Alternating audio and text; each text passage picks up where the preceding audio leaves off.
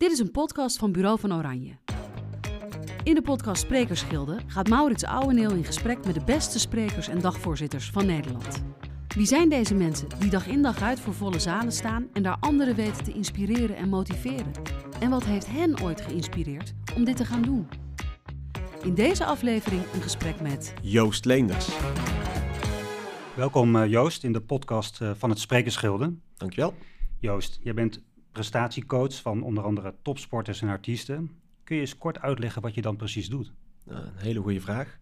Uh, alweer bijna 20 jaar, uh, Maurits. Dat is echt, echt een lange tijd. Um, uh, topsporters, laat ik even zo beginnen.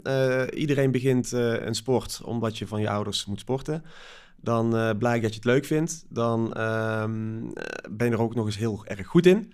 En dan gaan andere mensen jou uitkiezen om aan een selectieteam te komen, bijvoorbeeld. Hè. Laten we een voetballer als voorbeeld pakken. En op een gegeven moment kom je een jeugdopleiding van een club, uh, noem Ajax. En uh, opeens ben je, uh, maak je debuut bij Ajax 1 en dan ben je opeens topsporter. Ja, dat is, dat is een weg dat maar voor een paar mensen is weggelegd. En dat geeft zoveel druk, stressvraagstukken in een wereld waar je eigenlijk niemand voor wordt opgeleid hoe je dat moet doen. Je ouders worden er ook niet voor opgeleid. Dus daar sta je dan. En uh, met al die stress- en drukvraagstukken die er dan zijn, uh, probeer ik uh, richting, sturing te geven, op te coachen, zodat ze hun dromen en doelen gaan bereiken. En hoe komen die mensen dan bij jou terecht? Want dan hebben we het hier over uitzonderlijke talenten. Je hebt echt over echt uitzonderlijke talenten. vanuit mijn bedrijf werken we ook alleen maar met de top. We werken niet met, met amateurs. dat is een bewuste keuze die we maken. hoe komen ze bij ons terecht? Echt via via mond-to-mond reclame. Echt in het wereldje zelf is onze naam bekend. Dat durf ik wel te stellen.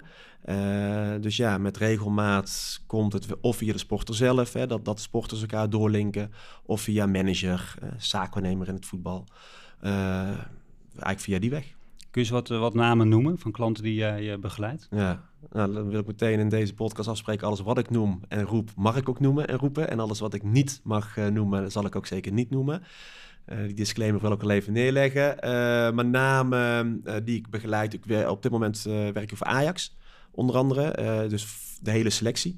Doe ik nu zes jaar. een voetballer individueel als Noah Lang, waar ik mee mag werken. Super, super gave gast om mee te werken. Maar ook een cyclingteam als Jumbo-Visma. Uh, waar we en de ploegleiderscoaches ondersteunen, maar ook uh, de wielrenners. Niet alle wielrenners, uh, maar met hele specifieke vraagstukken komen, komen ze bij ons. Oké, okay, en dan ben je dan onderdeel van het begeleidingsteam? Nee, wij, ja en nee. als je kijkt bij Ajax, um, ik, ik adviseer de staf, ik coach de speler. Uh, de individuele speler. Uh, maar ik loop in mijn gewone kleding rond. Dus ik loop niet in het trainingspak van de staf rond. Ook zeker niet van die speler. Hè. Die hebben altijd andere kleuren, want voetballen kan ik echt niet. Maar um, ik, ik moet uh, objectief zijn. dus ik moet tegen iedereen kunnen roepen wat ik zie gebeuren aan, aan gedrag. Dus ik ben eigenlijk daarom formeel geen lid van het, uh, van het team. Uh, dus ik ben echt een externe. Dat maakt mijn positie ook veel krachtiger om objectief uh, en wellicht ook gewoon helemaal open en eerlijk te kunnen blijven. Dan heb je natuurlijk heel veel coaches hè, en alle mogelijke vormen en kleuren bestaan die. Wat is ja. het grootste misverstand rondom de term prestatiecoach bestaat? Ja, de prestatiecoach wordt vaak uh, ook wel gerelateerd aan de mental coach. Mental daar gaat iedereen opeens iets van vinden, want dat is apart, dat is raar. Ik, ik vind ons net zo belangrijk als uh, een fysiotherapeut in de topsport. Of noem een andere functie die er is. Uh, het is alleen ongrijpbaar. En dat maakt het dat, dat de titel voor uh, de mens is van wow, wat doe je dan? En, en, en uh, dat is een beetje gek. Of uh, draag je de, de bekende geitenwolle sokken in je sandalen. Want, uh, je moet wel een bepaald soort type zijn. Dat is echt allemaal onzin. Ehm, we zijn gewoon een onderdeel van het thema van, van topsport. En met het thema mentaal. En het mooie is, kijk elk interview terug naar een wedstrijd. Gewonnen of verloren. En de trainer of de speler zal in 9 van de 10 gevallen het mentale aspect gaan benoemen. Oké. Okay. Dus dat eigenlijk, eigenlijk iedereen is goed naar de interviews na afloop te gaan beluisteren. Ik weet dat heel veel bekende mensen zich liever niet terugkijken op tv. Ja. Doen trainers, spelers, doen ze dat ook? Je ontkomt er niet aan door de, door de, door de, door de hedendaagse social media. Uh, dus je ziet je naam, ook al wil je het niet, je ziet je naam sowieso terugkomen. En de drang om erop te klikken is dan toch echt nog wel te groot. Ik vind het ook één te makkelijk om te roepen dat je dan niet moet kijken. Wat het eerste advies zou zijn, dat vind ik onzin. Want je gaat sowieso kijken. Maar het is voornamelijk wel dat je, als je het ziet en het doet iets met je, dat je uh, wel blijft handelen. Dus dat je wel je ritme blijft houden in je, in je dag. Dat je niet achterover op de bank gaat zitten huilen omdat je toevallig slecht in de media bent gekomen. Want dat is natuurlijk ook het, uh, het, het, het, het, het lastige. Kijk, eh, houd maar even op voetballen. Je bent een hele goede voetballer. En je kan heel goed voetballen. En dan kom je voor de camera. En dan kom je even niet uit je woorden. En dan heeft iedereen daar een mening over. En dat vind ik altijd heel bijzonder, want je bent een goede voetballer. Je hoeft geen goede spreker te zijn. En dat maakt die wereld ook zo moeilijk. Want de mensen die bestempelen als een of andere superman. Maar je kan gewoon heel goed voetballen. Moet je dan een sociale antenne hebben? Moet je dan goed kunnen spreken? Moet je dan van alles? Nee, je moet vooral heel goed kunnen voetballen. Maar je wordt wel afgerekend op bijvoorbeeld spreken voor een camera. Zou jij het kunnen spreken ook een talent kunnen noemen? Dat durf ik wel uh, te zeggen, ja. Spreken is gewoon een talent. En kan je dat ook nog verder aanleren? Of begint het bij het, het hebben van een talent? Ik geloof dat uh, het bekende is het uh, aangeboren, aangeleerd. voor mij heel simpel. Usain Bolt zal nooit de marathon van New York kunnen winnen. dus het is aangeboren. maar door knetterhard te trainen. Kijk, talent komt um, oorspronkelijk is een Griekse munteenheid. En die kreeg je vroeger in de Griekse oudheid. Als je heel hard werkte, werd je uitbetaald met talent. Zo zie ik talent. Dus je hebt het, maar je moet er heel hard aan werken. Want als je er niks mee doet, zal je je eigen talent nooit uitbetalen. Dus dat is ook hetzelfde spreken. Ja, het is een talent. Uh, maar dan nog moet je het gaan doen, gaan oefenen, heel veel fouten maken, afgaan. Uh, dan pas ga je leren en dan ontwikkel je dus ook je eigen spreken. Hey, je bent vanwege jouw werk, ben jij ook op podia terecht gekomen? Ja. Ik vroeg het net al even, is het spreken een talent? Laat ik het anders zeggen. Heb jij het talent voor het spreken? Ja, dat vind ik moeilijk om zelf te zeggen. Maar ik weet wel dat ik uh, op een podium uh, uh, heel makkelijk praat. Ik weet van mijn ouders dat ik vroeger als kleutertje het telefoonboek, had je vroeger nog, hè, de bekende dikke telefoonboeken, opensloeg. En dan hele spreekbeurten hield vanuit het telefoonboek. Ik, ik, was geen nummers aan het oplezen, maar dat was, dat was dan was dan minister-president, ik weet niet wat ik was. Dus dat zit er dan al in. Um, betekent niet dat ik verbaal super sterk ben. Hè? In de zin van, uh, ik ben echt geen iemand die, die, die, die op een netwerkborrel hoor je mij niet praten. Ik vind het verschrikkelijk. Maar op een of andere manier voel ik het op een podium, vind ik het, vind ik het gaaf om op een podium te staan. Dus ik denk dat daar zit iets in mij en dat heb ik echt niet aangeleerd. Dat, dat, dat zit in je. Dus dat geloof ik dat dat het talent is. Kun je eens vertellen wat er gebeurt als jij een podium oploopt? Wat er dan met jou gebeurt? ik voel geen spanning. Ik heb het ooit wel eens gevoeld, maar daar zal ik dadelijk eens op terugkomen. Ik voel even over het algemeen, als ik een podium ga, nul spanning. Uh, ik vind het vooral heel uh, leuk. Ik bereid me eigenlijk ook niet voor. Ik weet, waar ik van, ik weet waar ik begin, dat is de A. En ik weet waar ik wil eindigen, en dat is de Z. Maar die 24 andere letters er door, die kunnen volledig door elkaar staan. Uh, want ik schiet, ik, ik schiet van links naar rechts. Ik ben heel impulsief heel impulsief. Dus dat betekent dat ik ook op reacties van de zaal uh, het liefst wil inspelen. En dat, dat, het, het, is voor mij een soort spel wat ik, wat ik speel op dat moment. Maar meestal weet je wel wat je gaat vertellen. Ja, dat is, dat is, dat is die. Dat dus je wel, hebt wel een bepaalde voorbereiding. Ik heb wel, ik weet, tuurlijk weet ik wat ik ga ver, vertellen, maar ik, ik schrijf nooit iets uit. Ik, ik repeteer nooit in de spiegel. Um, uh, ik, ik, ik durf ook gewoon en af en toe sla ik me echt voor mijn kop. Uh, dan ga ik gewoon uh, improviseren. Dan ga ik gewoon iets anders erin gooien, een ander voorbeeld. Ga kijken hoe dat valt. En dan heb ik dat niet voorbereid. Dat schiet dan in mijn hoofd. Daarom ben ik ook, ook als Engelse spreker een stuk minder goed. Ehm, omdat ik één op één Engels kan coachen. Ik, ik, ik, ik, mag ook met buitenlandse sporters werken en dan gaat het één op één heel goed.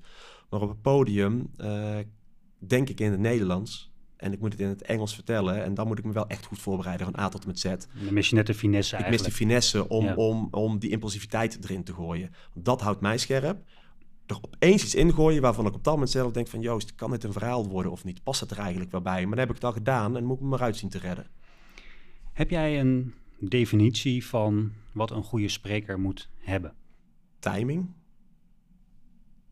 vind ik. En dan kijk ik echt niet naar mezelf, kijk ik echt naar andere sprekers waar ik uh, van kan genieten. Timing moet erin zitten. Um, ervaring. Ik vind dat iemand zelf met zijn voet in de klei moet staan om uh, in, van het thema wat, wat hij of zij uh, bespreekt. Voornamelijk die twee, timing en ervaring. Oké. En dan komt vanzelf de overtuiging en de kracht. Er zit er, dat ik geloof dat dat een uh, gevolg is okay. van die twee. Je vertelde net dat jij uh, niet uh, vooraan staat als er een borrel is, hè, niet het hoogste nee. woord hebt, maar op een podium wel een makkelijke prater bent. Nu ken ik best wel veel sprekers, en hele, ook hele goede sprekers, die van nature erg verlegen zijn, ja. maar hun hand er niet voor omdraaien om een zaal van duizend man te kunnen bespelen. Ja. Ja. Heb je daar een verklaring voor? Want jij bent ook nog psycholoog, dus je hebt misschien daar ook nog andere inzichten bij. Zo, dat is een hele goede vraag.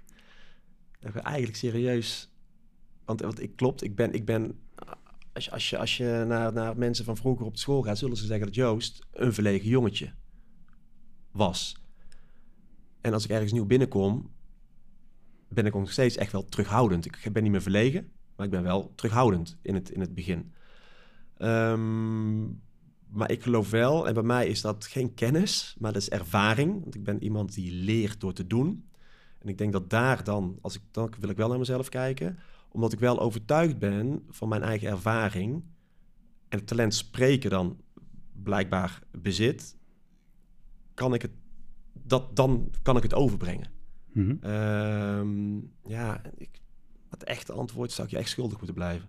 Oké. Ja. Dus dat is geen wetenschappelijke Nee. verklaring Nee. voor die jij zo kon eh, opnoemen. Nee, Nee. nee.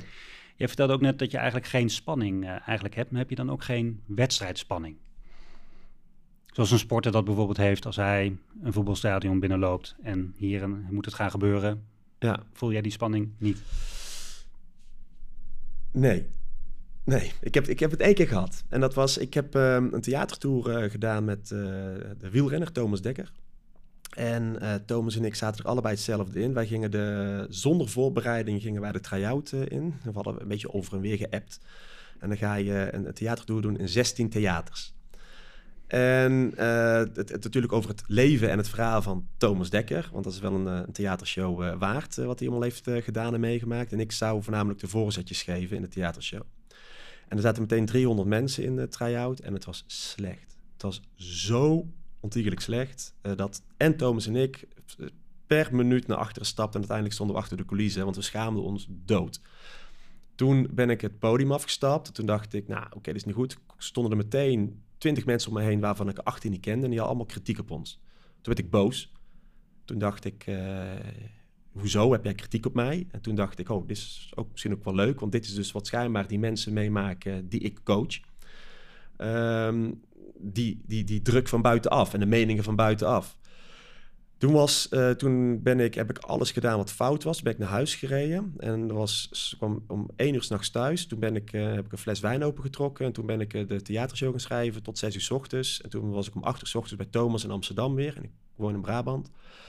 En eh, dus hartstikke moe, noem maar op. En twee dagen later was de première.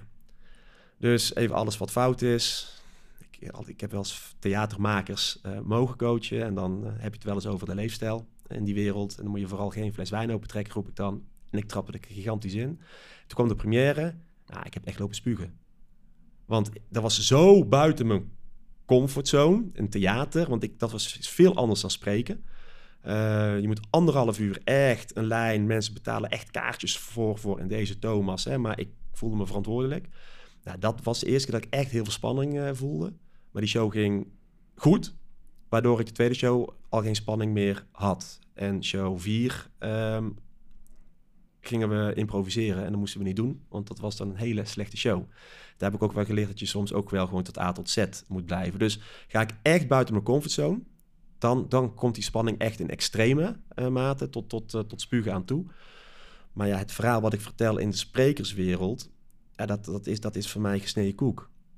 Dat, dat, dat, dat zit er zo in, dus daarom voel ik die spanning eigenlijk eh, niet. En hoe ging dat met Thomas? Want die is natuurlijk geen geboren prater. Nee. Wellicht ook niet een controlfreak, zoals jij dat iets meer bent, Ja. schat ik zo in. Had hij ook wel die spanning voor die première? Vond hij het A, vond hij de try-out ook slecht? En B, had hij ook dan wel de spanning, voelde hij de spanning die bij de première opspeelde? Thomas schaamt zich niet snel. Voor de mensen die Thomas Dekker kennen. Eh, maar hij schaamde zich ook echt na de try-out, net zoals ik. Maar bij hem voelde hij ook echt de spanning. Zeker, want dat voor hem ook was het... eh, want dan komt wel ehm, de, de prestatie, de, de bewijsdrang. Want we waren afgegaan in de try-out. En Thomas als topsporter heeft natuurlijk in het extreme eh, de bewijsdrang. Je gaat niet af, je gaat winnen. En ik weet dat ook wel van mezelf. En dat telt misschien ook wel mee als ik spreek. Als ik opga, dan ga ik wel om te winnen. Ik wil wel een energie van een zaal terugvoelen. En als ik dat niet terugvoel, heb ik gefaald. Richting de zaal. Nee, richting de mensen. Dus daar zit wel een bewijsdrang in. Van oké, ik ga je niet af. Ik ga iets neerzetten. Ik wil energie voelen. Ik wil dat naar de rand mensen naar me toe komen. Om, om eigenlijk ben je toch op zoek naar dat complimentje. En dat is meer van oké, nu heb ik geleverd wat er werd gevraagd. Dus voor die winst, eigenlijk daar lag de grootste spanning op. En vind je het ook belangrijk dat het applaus eh, daarna komt? Is dat voor jou belangrijk, applaus? Ehm, nou, applaus. Nee, wat ik, wat ik het belangrijkste vind is de, de reacties eh, tijdens dat half uurtje of drie kwartier, hoe lang de spreekbeurt dan ook mag duren. De lach tussendoor, of, of die, die, die als mensen de behoefte voelen om, om, om iets te roepen waar je dan op in kan spelen. Dat vind ik vele malen belangrijker, want dan weet ik van hé, hey, de mensen staan aan, hè, ze luisteren. Ik sta je niet eh, mijn verhaal te vertellen en dat, dat mensen denken van, nou, ik wacht even op de volgende spreker en dan kijken we wel verder. Dat vind ik vele malen belangrijker dan het applaus op het eind. Je vertelde net dat je bij dat, ehm, ja, dat, dat je slecht, hè, de, de, zeg maar even de kritieken slecht verdroeg eigenlijk naar dat theatercollege. Vind je het wel fijn om feedback te krijgen? Ja, Want Ja. jij bent ook gewend in jouw werk om mensen feedback te geven. Wellicht noem je dat anders, maar ehm, ja maar wel ligt eraan wel van wie. Ik wil feedback van mensen die er verstand van hebben. En, En je noemde net even, er waren twee mensen die, eh, wel, eh, die jij wel kende. Waren Ja. dat dan mensen die er verstand van hadden? eentje wel, Oké, en die hield ook zijn mond. En die belde mij naar de rand op. oké. En eh, daar wil ik naar luisteren. Maar ehm, ik, ik vind dat. Ik heb, ik heb, mensen hebben wel heel snel een mening. Eh, wat ik al zei over die voetballer die voor de camera staat, even uit zijn woorden komt en wordt afgeslacht. Dat is een mening, hou je meningen voor je. Eh, Twitter vind ik verschrikkelijk in, in, in wat er ontstaat. Mensen, het, het, het, het, het creëert dat mensen vinden dat hun mening belangrijk is. Hou op. Eh, geef je mening over iets waar jij eh, verstand van hebt. En, en, hou, en, en geef je mening in de kroeg met je maten, mag je alles roepen. Maar kom niet eh, naar mij toe en, en, en oké, dan vond je het niet leuk. Dat kan. Hoef ik niet te horen. Je hebt het liever heb je het niet ongevraagd. Nee, ik heb, ja, ja, ik heb het ongevraagd van iemand die, die, die, die, die, die kennis van zaken heeft. 100%. En dan mag hij mij echt hele harde kritiek geven. Ik weet dat ik daar heel goed mee om kan gaan. Maar ik weet ook dat ik er niet goed mee om kan gaan. Als, waar ik denk van echt serieus, koekenbakker. Dit is, je hebt een hele andere, hele andere eh, kwaliteit. Maar vooral niet te spreken. Dus, dus, kom als je, dus, dus je vond het niet leuk. Dat mag. Maar val mij daar niet mee lastig. Nee, precies. Heb jij wellicht ook in het verlengde van dit... ehm, spreken wordt vaak onderschat. Ja, als ik eh, zeg maar even zo mijn mailbox eh, wel eens eh, open doe... Ja. dan zie ik wat voor verzoekjes er eigenlijk komen. En dat is eigenlijk dat mensen gelijk op het hoofdpodium willen spreken. Ja. En eigenlijk zonder ervaring eigenlijk al een heel groot publiek willen toespreken. Ja. En dan kan ik, mail ik altijd netjes terug... joh, welke ervaring heeft u dan allemaal? Kunt u dat eens opnoemen? En dan is er soms helemaal niks. Ja. Hoe komt dat dat mensen tot die verzoeken komen? Want als zij gewoon andere sprekers volgen, hè, even bekende sprekers zo in Nederland, maar of hè, waar dan ook met de wereld, die hebben eigenlijk, als je dat, die biografie van die mensen leest, die hebben best wel op zolderkamers begonnen Ja. en heel langzaam hun carrière opgebouwd. Tot, ja. Hoe, hoe, hoe komt dat dat mensen daar, als het gaat om spreken, vaak overmoedig worden? Waarom ze overmoedig worden is, is voor mij echt dat ze eh, plaat voor een kop hebben. Want er zijn een heleboel slechte sprekers op, op, op dingen. Maar dat noem ik ook geen sprekers. Dat zijn eigenlijk meer specialisten die overtuigd zijn van hun eigen filosofie. En eh, vinden dat ze hun filosofie eh, moeten verkondigen. Eh, maar volledig ehm, hun, hun, hun, hun verhaal staccato afsteken, Zenden. zenden, zonder enige sensitiviteit van wat gebeurt er in, in de zaal. Eh, en na de rand, eh, ik denk ook dat het soms zo slecht is dat mensen niet eens feedback gaan geven. Ik geloof, ik geloof, hier geloof ik in. Ik heb liever een 1 als beoordeling dan een 6. Eh, want dat betekent dat ik in ieder geval iets met die persoon heb gedaan. Ik heb hem volledig in de, in de gordijnen gejaagd. En, en, en dat betekent dat ik ergens impact heb gemaakt. Dat voor die persoon misschien negatief, maar er is iets gebeurd. En ik denk dat er een heleboel sprekers op een zesje dan zitten. Eh, waar dus eigenlijk kabbelt het door. En dus krijg je niet echt de juiste feedback. En zo lopen ze heel snel door. Maar die vallen dus ook nooit. Ehm, als je, als je eh, op een zolderkamertje begonnen.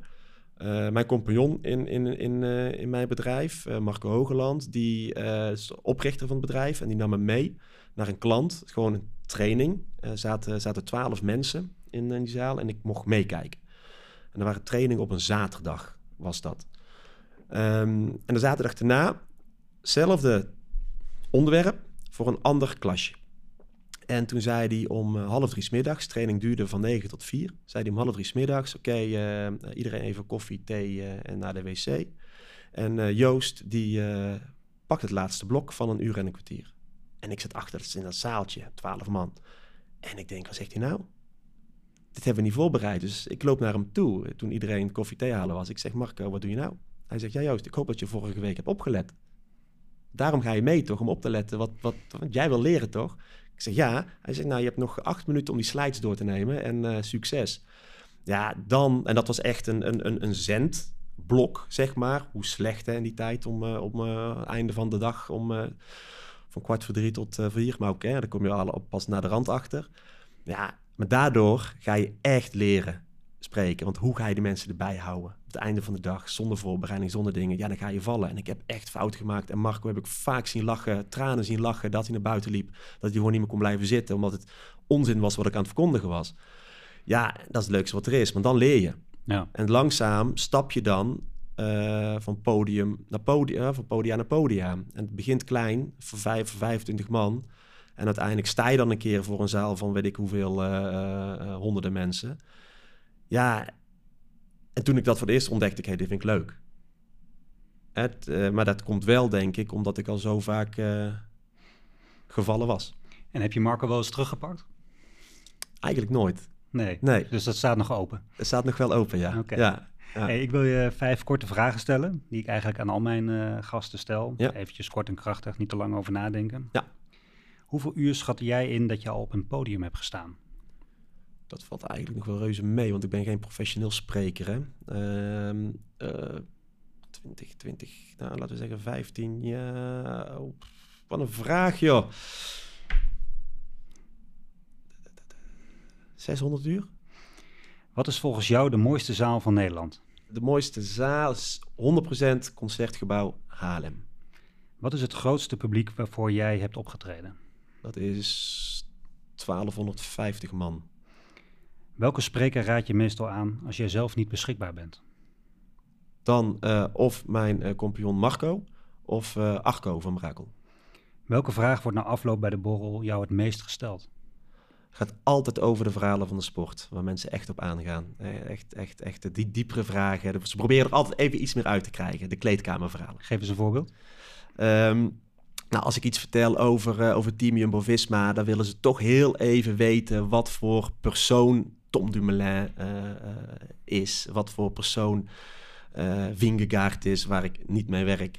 Eh, maar dat willen ze toch weten. Ze willen die diepere, die diepere lagen Oké. aantikken. Ja, Dan krijgen ze geen antwoord. krijgen ze geen antwoord. krijgen ze geen antwoord. Nee. Nee. Jij bent, je vertelde aan het begin van de podcast al, je bent zeg maar, je noemt jouw klantenkring, eigenlijk werk je onder water. Hè? Dus Ja. eh, zeg maar, ik noem altijd een beetje, zo je met elkaar praten. Dan heb je de ijsberg, het puntje, dat is degene van de klanten waar je over mag praten en wat ook soms bekend is. En eh, de onderkant van de ijsberg zijn eigenlijk heel veel klanten, dingen die jij wel en niet weet. Is het moeilijk om daarmee om te gaan? Om kennis te hebben van allerlei dingen waar je niet over mag praten? Uh, ja, ik geef altijd, hè, dat denk ik hier ook, hè, de disclaimer van hè, wat ik vertel, uh, mag ik vertellen, wat ik niet vertel, mag ik niet vertellen. Dat ze het ook wel weten. Niet dat ze denken van, nou, nou, die klapt hier even uit, uh, uit de school over, over iemand. Um, in het begin vond ik dat wel moeilijk. als ik dan even helemaal terug ga, in het begin, dan gaat je over jaren geleden, was je wel meer voorbereid hoor. Dat geef ik wel toe. Was je wel meer in de auto bezig met van, oké, wat moet ik echt niet vertellen? Nu weet ik heel goed hoe ik die wel meer kan vertellen dan, dan de algemene sportmetafoor. Want dat is zij. Hè? Dat ik ze wel echt mee kan nemen in de wereld van de topsport en de echte verhalen.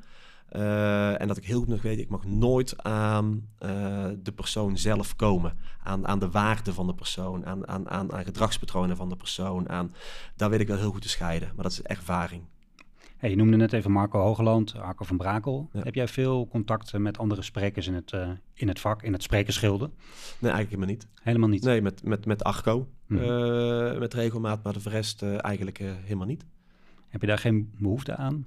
Komt het er niet van? Komt er niet van. Komt er niet van, want, want spreken is, is een onderdeeltje van wat ik doe. Het is, het is niet mijn, mijn primaire werk. Mm -hmm. Primaire werk is, is, is uh, prestatiecoach zijn, is, is uh, mede-eigenaar zijn van het bedrijf, is het bedrijf laten groeien, uh, bij de klant komen, com commercie vanuit het bedrijf, moeilijke vraagstukken oplossen bij, bij klanten in de, in, de, in, de, in de topsport, ook bedrijfsleven. Dus dat, dat, dat is 95% van mijn werk. En dan word ik, wat ik leuk vind, af en toe gevraagd om te spreken. Dus, dus ik zit ook niet in dat sprekerscircuit. Dat betekent ook dat als ik heb gesproken vaak direct wegga, omdat ik dan weer een klant heb waar ik uh, moet zijn. Uh, maar toekomstgericht is het wel een van mijn doelstellingen om meer in dat sprekerscircuit te komen. Precies, en dan ja. is het wel belangrijk om bij de borrel te blijven. Dan is het belangrijk. daar lopen ja. je potentiële klanten natuurlijk wel rond. Daar lopen ze 100% rond en dat, dat is zeker. Maar dan moet ik ook meer afstand hebben wil ik echt doorgaan in het sprekerscircuit, wil ik meer afstand hebben van uh, mijn huidige klanten. Omdat er altijd, ik wel, wat we net over hadden, op dat lijntje balanceren van... hey, ik ben nog wel steeds nog ingehuurd bij een klant. En wat mag ik wel en wat ik niet zeggen? En daar moet je af en toe, dat ik ook wel even kies van... oké, nu doe ik even niks vertellen over deze klant... want die zit op dit moment in een bepaalde context. Moet ik er even helemaal vanaf blijven. Dus ik denk dat ik daarom nog niet 30% van mijn werk in sprekerscircuit zit. Hey, iedere gast leg ik een vraag voor van een uh, goede bekende. Ja. En de vraag voor jou is van jouw plaatsgenoot hier in uh, Den Bosch, Mark Lammers. Kijk, leuk. Ja, Joost, leuk dat ik een vraag mag stellen. En um, jij kunt hem denk ik goed beantwoorden. Hoe zouden, net als in de sport, heb je een inspanningsfysioloog, je hebt een strafcorner trainer. Hoe kunnen we ervoor zorgen dat een mental trainer, mental coach, dat dat gewoon vast in het systeem zit, maar ook bij bedrijf? Waarom heeft een bedrijf wel een HR-specialist, maar waarom heeft een bedrijf geen mental coach die mensen met mindset uh, uh, verbetert? Hoe denk je dat we dat toch positiever ook in de sport, zoals in het bedrijfsleven, jouw rol en nog meer kunnen inzetten? Nou, mooie vraag. In ieder geval dank Mark. Nou, dan, dan, dan, ga ik toch een, even een, pluimpje geven aan, aan wat velen denken de conservatieve voetbalwereld. Want die is verre van conservatief. Um, als je de afgelopen jaren bekijkt, lopen wij daar eigenlijk als, als onderdeel van. we hebben het al gezegd, niet helemaal, maar we zitten daar wel helemaal in. En wij hebben daar een werkwijze gecreëerd dat wij daar gewoon aanwezig zijn. Um, en, en ik denk dat dat in ons vakgebied niet altijd is. In ons, in ons vakgebied, in, in de mentale wereld, de, de psychologenwereld, is uurtje. Je komt binnen, je hebt een gesprek in dat gesprek van drie kwartier moet je heel even tot de kern komen. Ja, dat is zo awkward voor, voor, voor mensen. Om, om, om, het is zo'n druk om, om even in die drie kwartier of uur heel even je, ik noem het maar even dan zo cliché, je ziel bloot uh, te leggen. Dus uh, ik denk, ik geloof ook dat, dat uh, heel veel mensen daar uh, zich niet lang bij, bij voelen. Wat wij doen, bijvoorbeeld bij, bij een club als Ajax, ik ben daar gewoon 12 uur in de week. En ik kom daar binnen ook vaak zonder agenda. En ik schuif gewoon aan bij de spelers, bij de koffie of bij het eten. En, en we hebben het over van alles en nog wat. Maar omdat je daar bent, is het ook veel makkelijker. Je komt vanzelf automatisch in goede gesprekken. En vanuit een goed gesprek komt er altijd een moment dat of ik of die speler zegt: Zullen we daar volgende week even over verder praten? En dan, ben je echt onderdeel. Maar van het daar ook heel makkelijk dat een trainer kan zeggen: van... Hey, uh, Joost, uh, goed dat je er bent. er zijn wat zaken eh, die ik denk te zien, daar wil ik eens even met jou over sparren. Dus dat is zo laagdrempelig, zonder enige agenda ontstaan er vanzelf wel agenda's. Hè? En dan geen dubbele agenda's, maar open agenda's. Daar ben ik eigenlijk van overtuigd. Alleen dat is voor heel veel, en dat is dan het antwoord op de vraag uh, uh, die ik geef aan, aan Mark. Helaas denken te veel organisaties in, uh, daar komt hij weer, van A tot Z. Dus je komt binnen, je hebt een functie en verantwoord heel even wat je elk uurtje van jouw functie in die week doet. en dan is het heel moeilijk om uit te leggen, ik kom even binnen, doe even helemaal niks. Nee, precies. Dan zeg je, ja, maar dat kan niet, want daar ga ik geen geld voor uitgeven. Zeg ik, ja, maar luister, als ik niks doe en ik zit er gewoon lekker tussen, ontstaat er uiteindelijk onder de streep veel meer. En dat is een denkwijze waar ik, wij heel erg in geloven, maar voor heel veel mensen nog helemaal, want ze moeten het kunnen verantwoorden. Heeft het ook te maken, dat, kijk, jij noemt even Ajax, uh, uh, Ja. uh, sporters, uh, talenten. Daar is natuurlijk een prestatiecultuur, een Ja. topsportcultuur. Dat is natuurlijk bij heel veel organisaties niet het geval. Ja. Dus de noodzaak om, zeg maar, een dergelijk iemand zoals jij daar te hebben rondlopen, wordt misschien helemaal niet gevoeld. Eh, sommige organisaties niet, sommige organisaties wel. Want, want, want, want er zijn ook echt organisaties waar wij eh, mogen werken in het bedrijfsleven, waar je die, dat, dat prestatieklimaat echt hebt staan. Alleen wat ik vaak merk, eh, dat is het, dat is het men moet zich kunnen verantwoorden. Ja. De En- uurtjes moeten, Verantwoord worden aan iemand boven ergens eh, in de laag boven je. En als je dat niet kan verantwoorden, dan doen we het maar even niet. Dus het vraagt, het vraagt echt op een andere manier eh, van denken. Hey, het woord viel eh, ook al even in deze podcast, maar heb je in jouw presentaties heb je het ook vaak over waarden. Wat, wat zijn jouw waarden nou eigenlijk? Mijn waarden zijn loyaliteit. Dat is denk ik mijn belangrijkste waarde. Ehm, als je ergens, en verantwoordelijkheid. Dus als je ergens eh, instapt, dan ehm, ga je niet duiken. Dan pak je verantwoordelijkheid. Met alle consequenties die er aan vast kunnen hangen. Dus ook je eigen kop. Ehm, maar ook vooral als je voor iemand gaat, dan ga je ook echt voor iemand. En dat is de loyaliteit die erin zit. Dat zijn echt mijn belangrijkste waarden. Oké. Je gaf straks zo aan van, joh, als ik iets meer afstand van mijn werkgebied heb, dan wil ik het eigenlijk wel wat eh, meer tijd aan het spreken eh, besteden. Ja. Wat, wat staat er op jouw bucketlist? op mijn bucketlist. Ja, daar staan. ehm, op mijn bucketlist staan dan misschien toch wel die hele grote. nou, eigenlijk gewoon de Ahoy. Als ik ga ik echt, ja, dat is echt, dat is echt, als ik dan zo'n zo'n zaal binnenkom, dan denk ik, moet ik toch altijd denken van, wauw, deze dan toch eens een keer vol zou staan en ik zou een onderdeeltje kunnen zijn van, hè, eh, van, van, van, van een groot congres en ik zou hier mogen staan, ja, dat zijn toch wel bucketlist eh, dingetjes. Heb ik eh, al eerder even een, eh, een gesprek gehad met Jort Kelder. Ja? En die noemde Ahoy eh, als de zaal die hij het meest moeilijk had ervaren. Oh, dat geloof ik. Ja. Ik denk dat ik ook heel ongelukkig ben op het podium dan. ja.